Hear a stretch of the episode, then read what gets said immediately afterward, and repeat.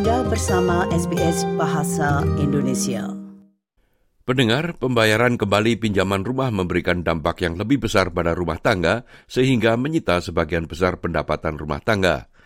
Hal ini terjadi sejak tingkat suku bunga meningkat dari 0,1 persen menjadi 4,1 persen sepanjang tahun 2022 dan paruh pertama tahun 2023. Meskipun sebagian orang pada awalnya menghindari kenaikan suku bunga dengan suku bunga tetap yang rendah, namun ratusan ribu rumah tangga di Australia akan menanggung beban terberat karena suku bunga tetap mereka akan berakhir pada tahun 2023 dan 2024.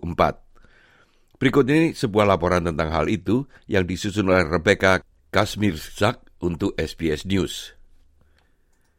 Tekanan hipotek ini adalah kenyataan baru bagi banyak rumah tangga di Australia. Suku bunga hipotek tunai dari 0,1 persen meningkat menjadi 4,1 persen dalam 18 bulan terakhir. Penelitian baru dari situs perbandingan keuangan Mozo menunjukkan satu dari enam warga Australia harus mengeluarkan 40 hingga 60 persen pendapatan rumah tangga bulanan mereka untuk membayar hipotek itu. Kelly Moss adalah direktur konten di Mozo. Ia mengatakan ketika pembayaran cicilan lebih dari 30 persen pendapatan rumah tangga, rumah tangga itu termasuk dalam apa yang disebutnya sebagai di bawah tekanan hipotek. So what this means is that the industry benchmark for what is classified as mortgage, uh, the standard ratio for identifying mortgage stress is around 30%. So that actually shows just how many um, homeowners there are out there now in Australia who are kind of bundled up in this bucket um, of actually being under mortgage stress. Bagi para peminjam di Australia, suku bunga tetap biasanya ditawarkan untuk jangka waktu antara 1 dan 5 tahun sebagai alternatif dari suku bunga variabel yang berfluktuasi sesuai dengan suku bunga tunai. Rekor suku bunga rendah pada tahun 2020 menyebabkan rekor suku bunga hipotek yang rendah sekitar 2 persen. Namun mereka yang selama ini mengunci suku bunga tetap rendah kini menghadapi kenaikan besar dalam pembayaran hipotek. Hal ini karena sebagian besar suku bunga tetap rendah yang dijamin pada tahun 2020 akan berakhir pada tahun 2023 dan 2024. Pergeseran dari suku bunga tetap kembali ke suku bunga standar pemberi pinjaman dikenal sebagai jurang hipotek. Pakar keuangan Kastar, Steve Mickenbecker, mengatakan para peminjam memiliki pilihan.